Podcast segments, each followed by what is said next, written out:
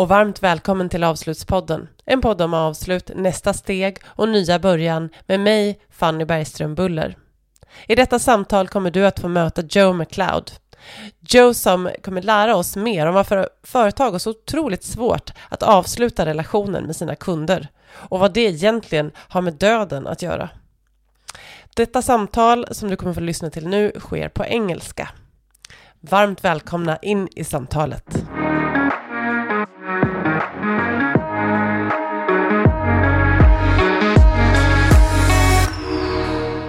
Welcome, Joe Macleod.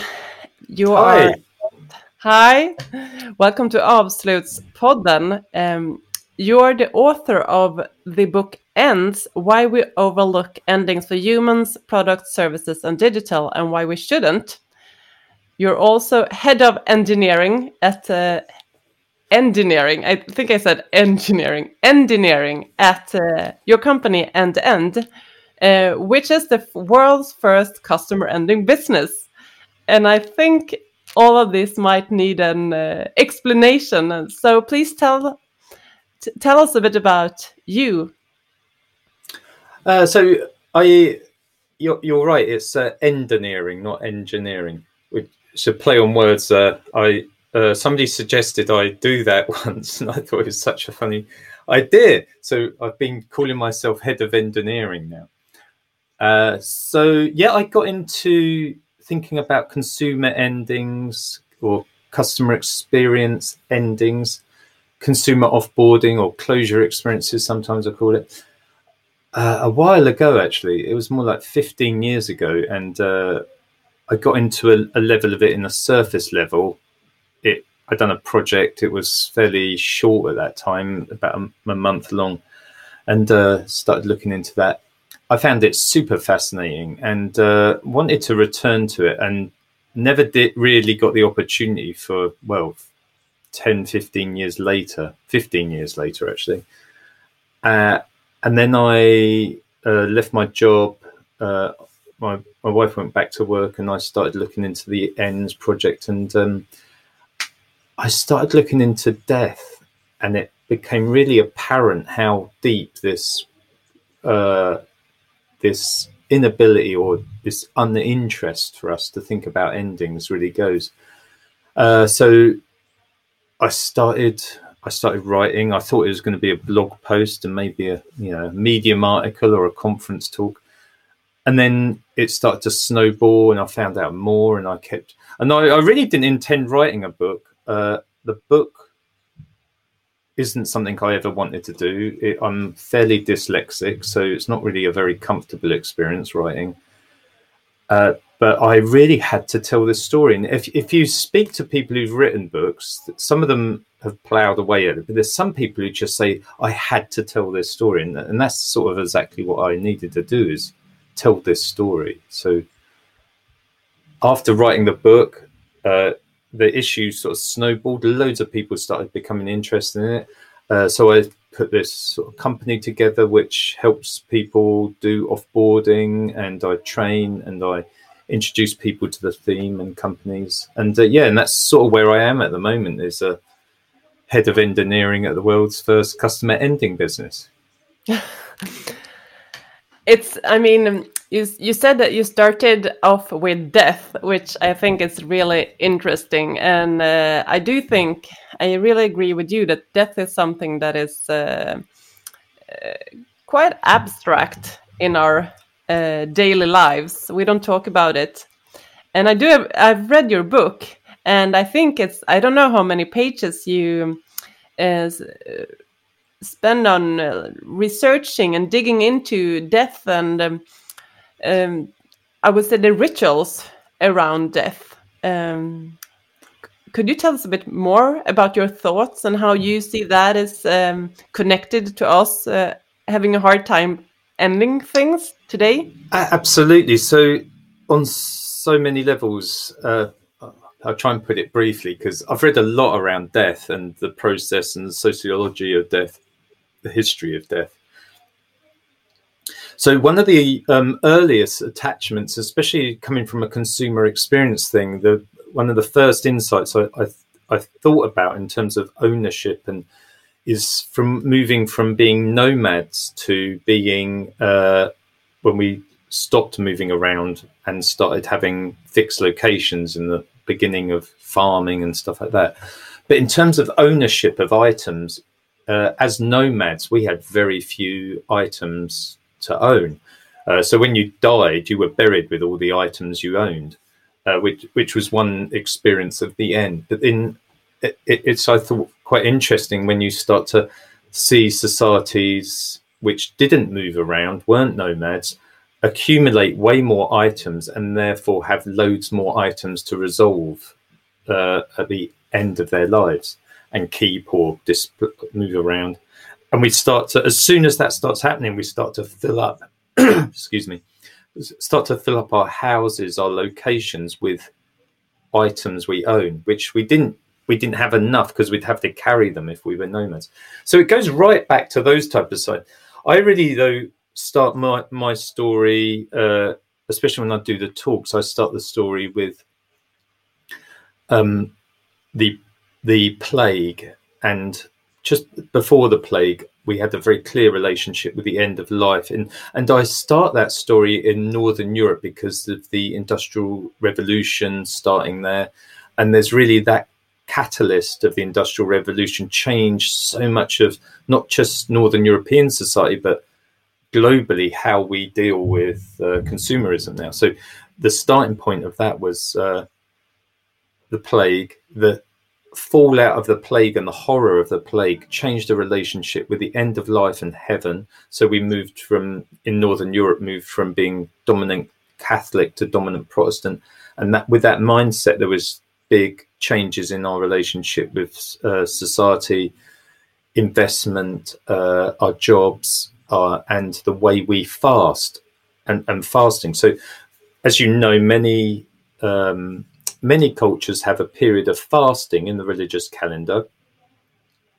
Very early on, Martin Luther, who established the Protestant uh, uprising and the, and the Protestant Church, he removed the that relationship, that that uh, that re- that um, celebration out of the religious calendar. So we lost in Northern Europe, lost that skill of reflection about um, the abundance of life. And that skill is so lost today.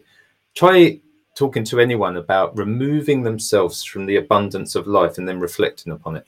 In um, in terms of a relationship with consumer, it's very barren. Some cultures still do it. You have you have um, uh, Ramadan, for example, removing yourself from the the um, the abundance of life and then reflect upon it. That's a really interesting skill. So it goes way back then, and then uh, our change in relationship with death goes. Another interesting thing I found just researching death is how we used to embrace death as a as a social experience. So the deathbed and the death chamber would be welcoming of all sorts of people around your life, and uh, you would uh, bring them into the death bed chamber and you would give them your last will and testament. And really, the testament bit was the bit where you told people about what you thought of them, how your perception of the world, very much a, a religious experience, and how you believed X, Y, and Z in religious terms. Nowadays, we tend to just think about the will part of that, the money part of it. But yeah, another, and interestingly, kids were invited to that thing. And there's this interesting phrase in one of the books I read, which was the pornography of death, that we've made it into this pornography, really, where you shouldn't talk to children about it, should be hidden away. It's a it's a vulgar thing, death. But actually it's the most it's the most simple part of life is death.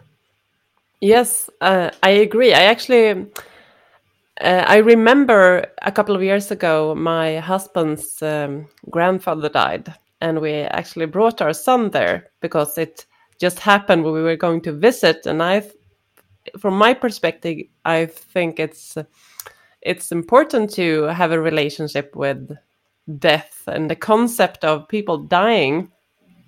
Yeah, um, a lot of people, uh, especially maybe my my. Um, husband's parents did not think that was a good idea, but we did actually bring our son. I think he experienced it as something quite scary, seeing yeah. a uh, person because he, I think he was four years or something by then. Uh, and of course, I mean, he didn't have to stay, so we said goodbye and we went out and uh, had some fika.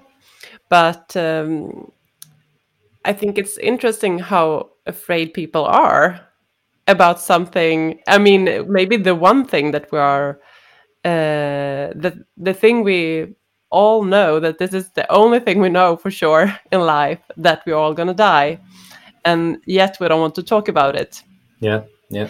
Uh, I but I when I listen to you and and you start uh, like going all the way back to the plague and uh, I, I, of course, I must ask you: Can you see something happen right now in the society during the pandemic we are living in today? I, I don't think so. I think um, the religious change then was really people changed the religious angle on what it was. We know quite early on why we're all dying. People back then didn't. They thought it was. Uh, the devil had come to Earth and was killing everyone. Um, we're very clear and we chuck science and logic at this, so we we know what's happening. It's a different type of context, really. I, I think there's going to be different relationships with things, but I'm not sure it'll be a different relationship with um, with uh, endings and death. Our problem with death is the lack of conversation around it, and I think if you chat to, I know quite a few people who are sort of specialists in death and work in that field, and uh, they're always talking about how little we have conversations about it. In fact, if you talk to people um, uh, who organise wills, um, you know, look, when you have your last will and testament, they organise wills. The amount of people who haven't got a will is shocking. And when you think about how big a transition document that is and how important it is, it's uh, really shocking. Do you think it's because we don't want to think about it? I yes, I think there's an aspect of that. I think there's a social bias towards living, which is quite natural, but the um, that bias has been lost. In fact, it used to be, I think, quite a common conversation in previous religions and in some religions still but we we've lost touch with such a lot of religion. And I'm not saying that's a good or bad thing, but there was aspects of um, the role of religion that talked about death and framed death in certain ways that we have lost. Uh, and we don't, and we really sort of need to gain back actually in terms of a common conversation about the end of life and uh, what that means because we're hopelessly unprepared for it, most of us. Yeah. And from your perspective, working with endings, how would you see the connection between us not talking about death, uh, some as death being something very abstract in our life, and not wanting to end uh, work with endings in our businesses? Uh, so I really started with the question of why don't we think about endings when we're designing things or creating things? Why don't we think about what how's this product going to end? Why do we never ask, ask that question to ourselves? And um, so that started the the thread of going into why we don't talk about endings. And then you start to come back from the things that I've been talking about, and you get to a point in Northern Europe with the Industrial Revolution and the consequences of the plague, the changing relationship with uh, um, death, but also the fasting thing, I think is important, removing ourselves from reflection about abundance, the ability to invest in the eyes of God and change our roles. So we've all got these career paths.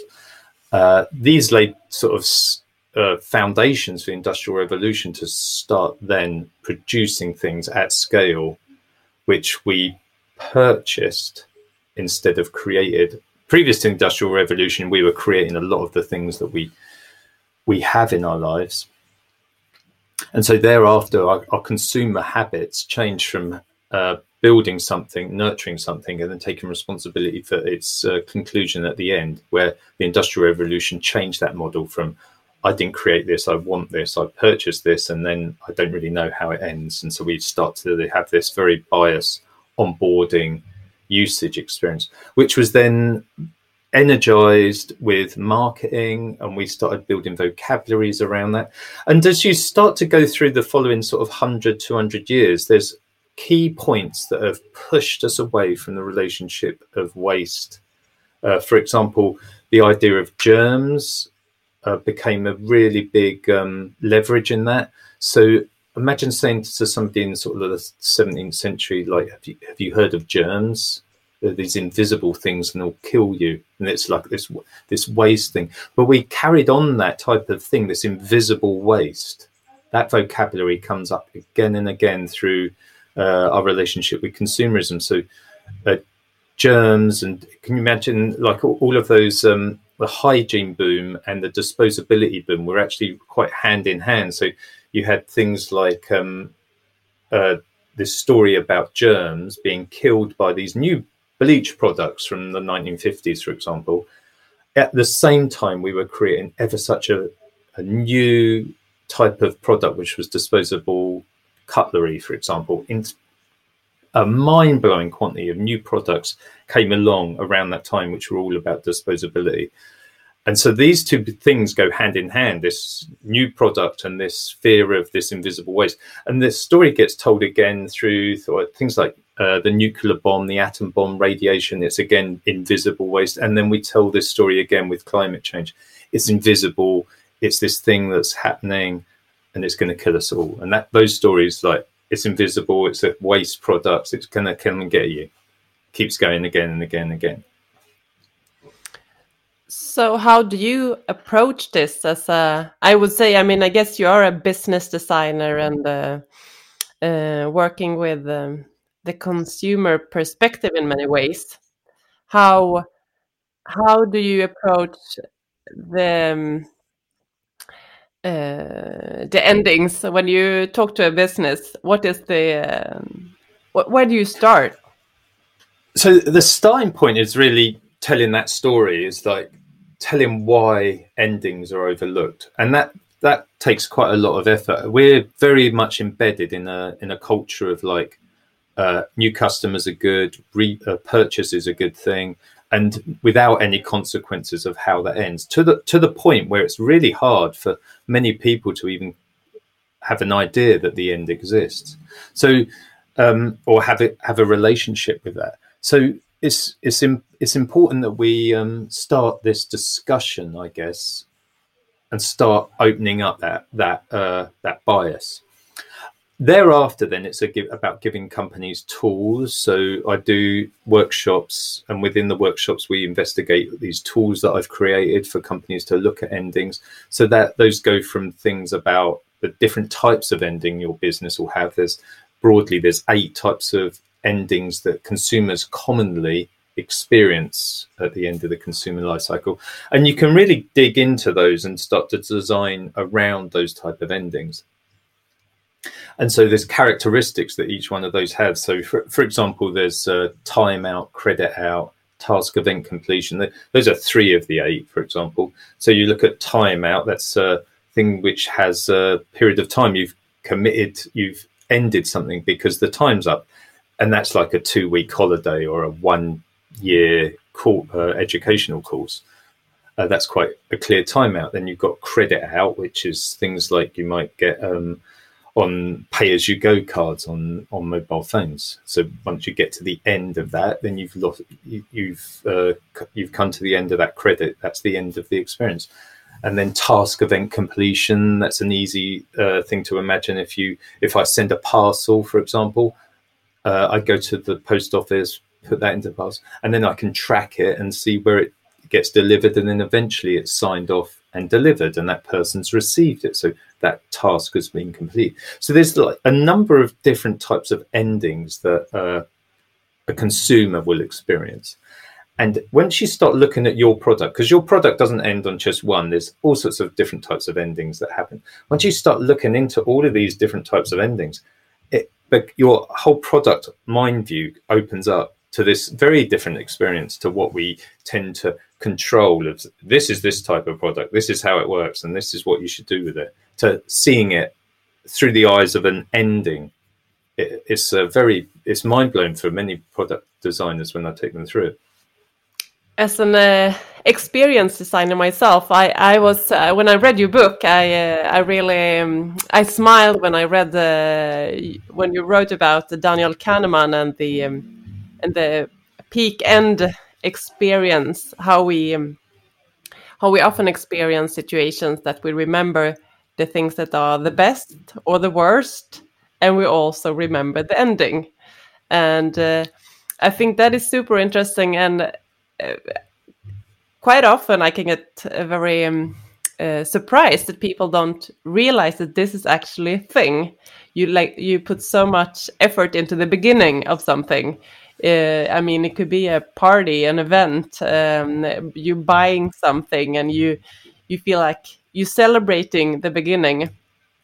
Yeah. And then uh, time goes on. You use the product, or you're or you're attending the event and then it's and it ends and it's often i mean um, i i've quite often thought about it in the time when we used to go to the cinemas when you went to the cinema and you always have to leave like behind somewhere you can sometimes you end up like uh, next to a garbage bin somewhere because like you entrance in the you go in the main entrance and there is so much you can buy and uh, you get welcomed and but when you leave that's nothing. It's like you are so it's it's interesting really and i i do see there's a lot of work for you to do. I, yeah and one of the things i reflect on quite a bit is uh, i, I see this a big issue of endings and um, how do i approach it and because I can't really cut it down to products, services, and digital. I try and define it in those terms because I think a lot of people work in those defined fields, and it's easier for them to hear examples from those fields, I guess. But if I put it into one category, it becomes one type of thing. So, for example, if I put it into digital, it becomes about privacy, uh, rights management, uh, right to be forgotten, GDPR, those type of things, and it sort of gets locked in that world. And if I put it into a physical products, it gets lost in, um, not really lost, but it, it people start wrapping it up into um, circular economy or uh, cradle to cradle, etc., etc. And and these these things, it's in, I think really important for us to come up a level from a lot of these things because when, as soon as we drop it into the category of one of those things, it's lost in those categories. Endings and most of the problems with consumerism are problems across consumerism. They're not in one of these product services or digital fields. And so I've spent a lot of time trying to uh, do work in each one of them, build up the sort of the wider building about ends or the wider wall of ends across these life cycles because I, I, believe passionately that the problem isn't just in services, just in digital, just in products. This is a consumer experience problem and it's recognized uh, similarly in each of those fields, or I, I, can identify it similarly in each of those fields, and it's a problem with the end of the consumer life cycle. Yes, I mean, exactly. It's even though something is put into a circular economy, uh, when you have used the product uh, to an end for your end. Uh, you there needs to be closure and the product continue into into the system and maybe um, gets recycled or something else and become something new. But yeah. and uh, and i also think i mean around that uh, there is a lot of stories not told. I mean sometimes you you put things like when you go uh, recycling things, for example, you take all these uh, packages and walk um, to the recycling bin and and you don't know anything about what's going to happen with those things. You've heard stories, of course, because they told you in school, uh, and you know you're supposed to. But I mean, there's a lot of that going on. We just leave things at places, and um, I think sometimes I mean it sometimes it ends up as I guess it has to do with motivation too. I see it as um if we know that something is ending, uh, there is like an active choice, or I see myself doing an active choice, and if I just uh, um, if I just stop using my cell phone and put it in the uh, drawer and leave it there, I've ended my cell phone's life, but I haven't really had that closure. I haven't put left it at the the recycling place for the cell phone, and I don't know what's going to happen with it afterwards. It's just going to lie there. Uh, absolutely, I think um, there's so many problems clustered around it. So one of the things that happens at the end of the consumer life cycle uh, is if all the problems fall to society, where you've had this partnership between the consumer and the provider previously, and that's gone on and people have made transactions and promises and supported those two groups in that relationship. And once that the end happens a load of different things happen in the transition to um, the tra- that transition. So one of those things is that the pro- that partnership breaks and when that partnership breaks the um, responsibility falls to uh, society so society, because society has no idea what's in a phone or what's in another electronical thing or what this type of plastic is. So society then creates these big bins of waste, which is plastics, uh, garden waste, electronics, etc., etc. And this isn't enough in terms of the um, in terms of the complexity of uh, consumer products just think of the pen, for example, a, a really regular pen, the amount of components that has in it and how to dismantle that are incredibly complex. You've got ink in there, and then inside the uh, to cap, hold the ink, there's one type of plastic, and then the structure of the pen is made out of another type of plastic. Then you've got metals in within that, and uh, which have been attached to that that cheap pen as well and then there's different types of plastic made in the pen. So there's a, a number of different complex structures, uh, complex materials in that. And partly we as society just go, is it plastic? Is it metal? And that that's so simplistic. And as soon as that relationship breaks between the consumer and the provider, the opportunity to reclaim that material, that pen, back to the provider, and then they dismantle it with the appropriate materials and they reclaim accurately everything. That that part is super critical and we've got to regain that. And there's other things that happen when an item falls into that the definition of that item is lost in that in that waste stream. So we've got these critical issues which we need to grapple with um, at the consumer offboarding experience that um, have have made it have paralyzed us really in dealing with um, consumerism and its ills. So during the uh, pandemic, uh, right now there has been a lot of talk about around leadership, and I I believe that there is a connection between leadership and how good a business is uh, at working with ends too. Can you see there is a connection and uh, I also I'm curious about what reactions do you get when you talk to leaders about ends? How do how do they approach this question? So one of the most common reactions I get is similar to Epicurus, the um, the Greek philosopher, talks about death, and he says, uh, "Why should I fear death? When death is, I am not. When I am not, death is here.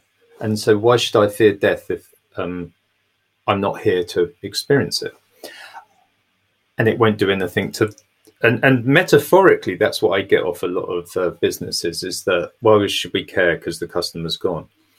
And this is, I think, a a big problem that we have pretty much had established since the industrial revolution and we've adopted this sort of like oh, let's make more money let's get more customers let's make more money and i don't really blame businesses per se to having that attitude because actually we've got that attitude across society we've embedded that for hundreds of years so it's not a surprise so the first thing is to acknowledge that actually there's stuff within an ending that's really really vital.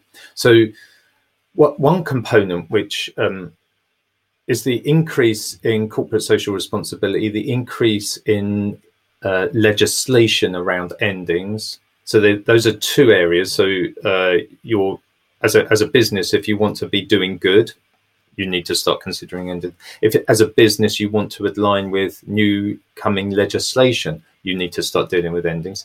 As a business, if you want to have long term customer relationships and build a long term brand, you need to start dealing with endings because customers aren't loyal forever anymore. Customers hop between one business and another. Loyalty is dropping like a stone. So you have this um, long term consequences of doing bad endings. And as you pointed out uh, with the Daniel Kahneman stuff, there's two points where you make an impact with a consumer it's the peak and the end.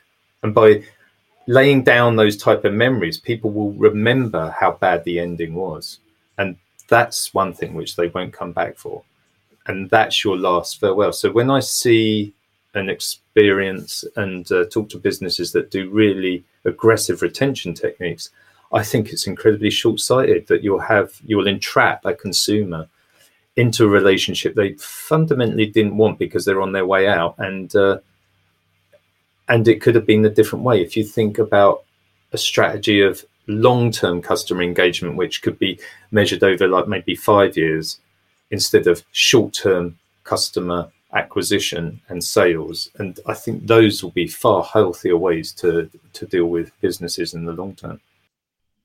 I guess there are a lot of businesses uh, today um, not wanting their customer to end their relationship right now when um, the market is quite shaky. Uh, how transparent would you say you should be in an ending when um, uh, is it is it a good thing to tell your customers that we really hope that you come back because you are important to us or should you like more celebrate the ending i, I think both i i think um, the worst thing to do is push really aggressive um, retention techniques on them. So for example some some big companies will spend an hour talking a customer round from leaving.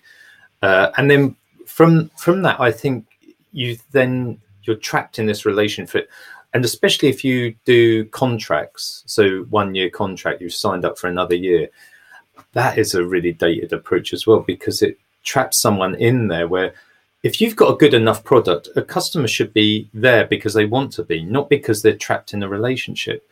Uh, a good example of that is the um, experience of watching tv for a consumer watching tv could be netflix or cable for example. Those two are similar experiences to the consumer. But the cable industry has been trapping people in long term contracts for, well, decades. Their customer satisfaction rate in the US has been going down for 11 years. It's down at like in the, in the mid 60s now. Where something like Netflix, which is the same customer experience I'm watching TV to the consumer, their customer satisfaction rate's gone up. It's in the it's in the mid 80s, and they're like 200 odd million people have signed up to Netflix. Netflix has an easy come and go relationship with the consumers. You can stop paying for Netflix instantly and then start it up again at any time you want. So the whole misnomer, and I hear it time and time again, if it's easy for customers to leave, then they'll leave more often, is ridiculous. it's like imagine saying that in a relationship. It's the only way I'll I'll uh, I'll keep this relationship going if I marry them. that isn't healthy at all there are a lot of services today that you can easily pop out of and then come back uh, and there is and then there is no stress about the endings but you also always have those companies you know i have to call them and i have to tell them and which day that month were they supposed did i need to uh, quit this um, whatever i uh, prenumeration what do you call that quit this Con um, contract contract uh, yeah. to be able to um, uh, to not have to pay for like another year or so. Yeah, yeah.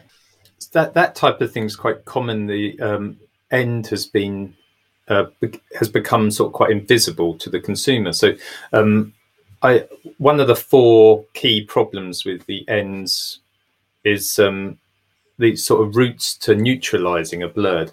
And what I mean by that is how do I end this relationship? So for you, it was a, a difficult sort of subscription relationship. It was invisible to you because it was hidden within the magazine. It was hidden behind paper, etc. And this is common when people look through their bank statements. They see subscriptions that they haven't got visibility of. They haven't got a, a visibility of how to end these things. Uh, which has been, I think, I think you can example that as a trend over the last sort of 50, 100 years has been subscription relationships that we've signed up for. And through sort of direct debits and modern banking, we've been able to use them a lot more, especially in the, like, say, like last 40 years. Uh, that's one interesting area. But when you add into digital on top of that, and imagine the metaphor of transaction is now current, uh, the data currency. So the information about me, I've signed up for this company, this digital company, could be Google Maps or whoever. Uh, their relationship, they're drawing data out from me, and then they sell that data on, make algorithms out of it. Uh, I don't know what's going on with that. Where do I find that out? Because in in the previous subscription world, I could have sourced that from my banker statements, and a lot of people reveal that there. But with the digital world, we have a similar relationship with the currency of data, where I don't know where I can find out what data is going on. I don't know how deep that goes, and I don't know how far it's gone either. And so that becomes far more invisible, far more problematic for consumers is the the ability to neutralize the end uh, of um, their data relationships. It's so complicated and uh, invisible. It? never really surfaces anywhere in a tangible way. Today, do you work mostly with businesses that are like running businesses, big companies, or because I I, uh, I was thinking of uh, it has to so much to do with, I guess, designing your business model. Like, how do we think? If we think about endings in the beginning, I guess maybe we should um, have that as a, uh, a tool for designing a business model that is uh, um, efficient. Yeah, I I guess the the companies that have invited me in to talk about endings have been big companies. So uh, like and that and they haven't sort of gone oh great can you design an ending for us but they're interested in what does this mean how do we how do we talk about this how do we how, how do we start thinking about this thing so uh being invited into places like Pepsi and IKEA and Logitech and and and have talked to them about endings and how how those things work. And so so those are the big companies little companies are too busy with the day to day, I think. And when I've been invited to do a lot of startup stuff, and that's really, I think they think they start thinking about it because they're very fluid at the time. They can adapt quite quickly, and they do get something out of it. But their day to day is survival. So the bigger companies do think about it. I guess it's similar to sort of a corporate social responsibility where big companies will be able to have that time to think about it and have the resources to plan into it instead of a small startup, for example, might not even exist in like a month or so. If we turn the spotlights towards you, Joe, ah. if you look at your uh, your life, is there like an ending that you remember from your life that was really good? Something it could be a product or it could be something else. Oh, when you were talking about this the other day, uh, I was thinking what I've ended in the last year, and I, I so I, I live in um, Stockholm in Sweden, and um, when I I moved here, I started to get into cab, Kalles caviar.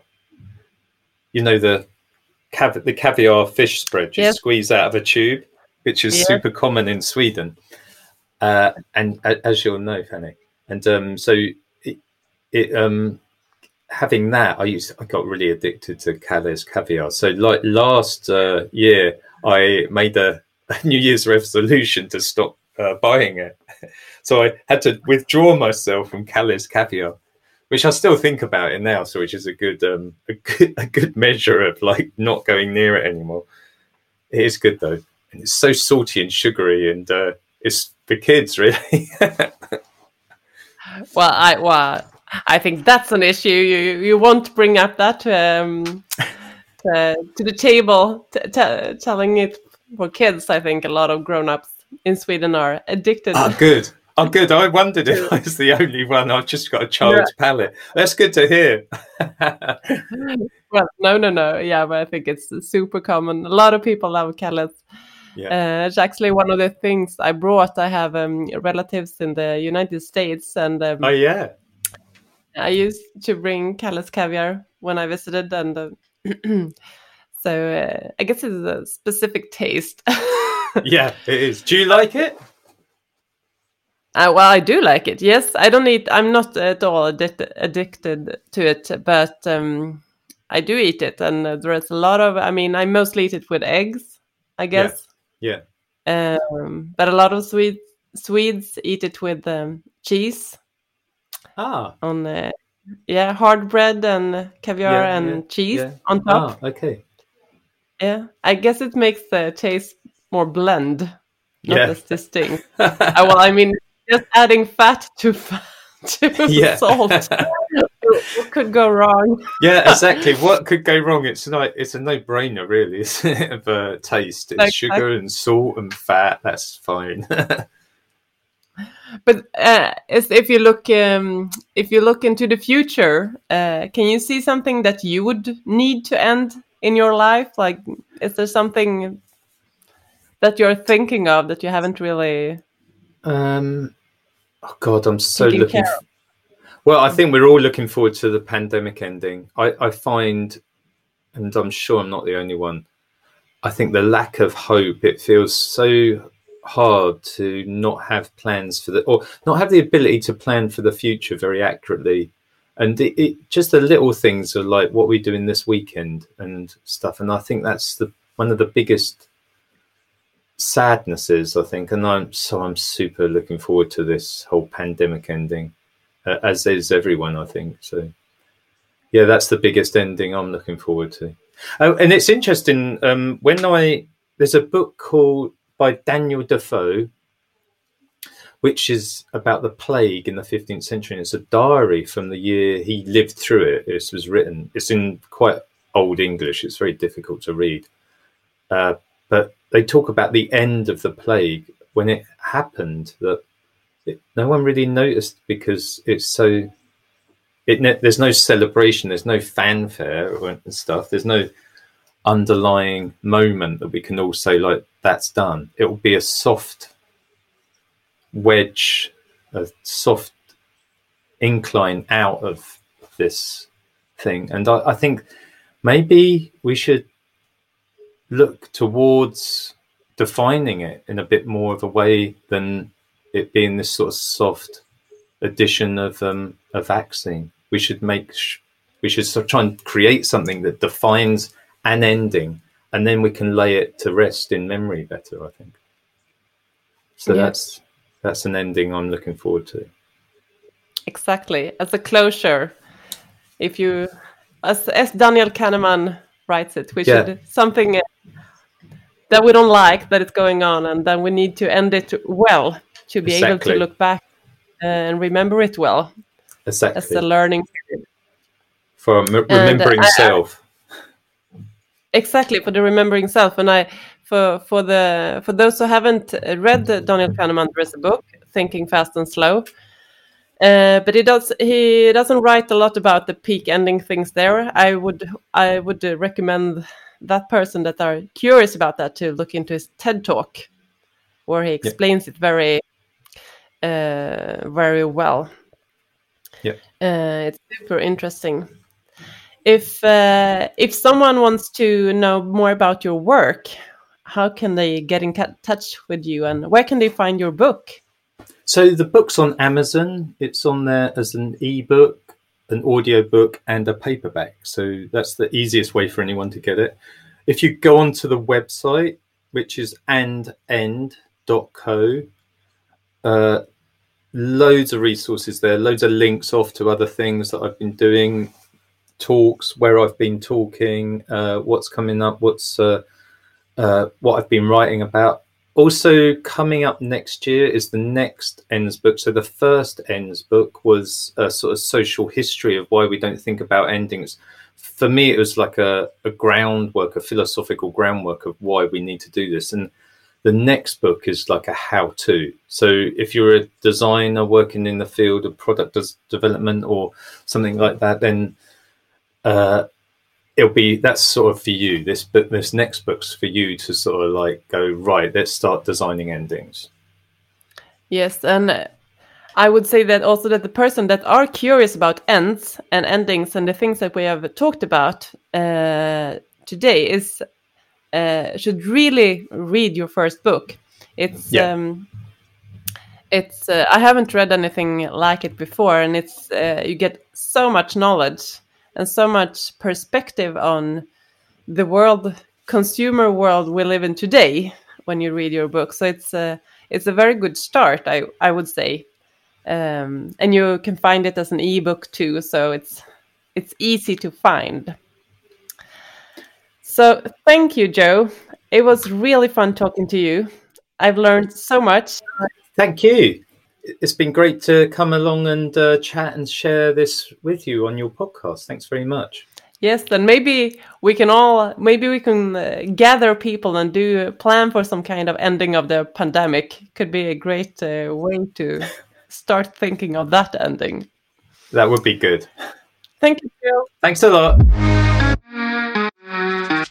Stort tack för att du har lyssnat. Du glömmer väl inte att följa avslutspodden i din poddspelare och på Instagram och Facebook också såklart. Jag vill också passa på att tacka Daniel Buller och Henrik Alsed som hjälper till med den här produktionen. Nästa avsnitt hör du om två veckor. Vi hörs då.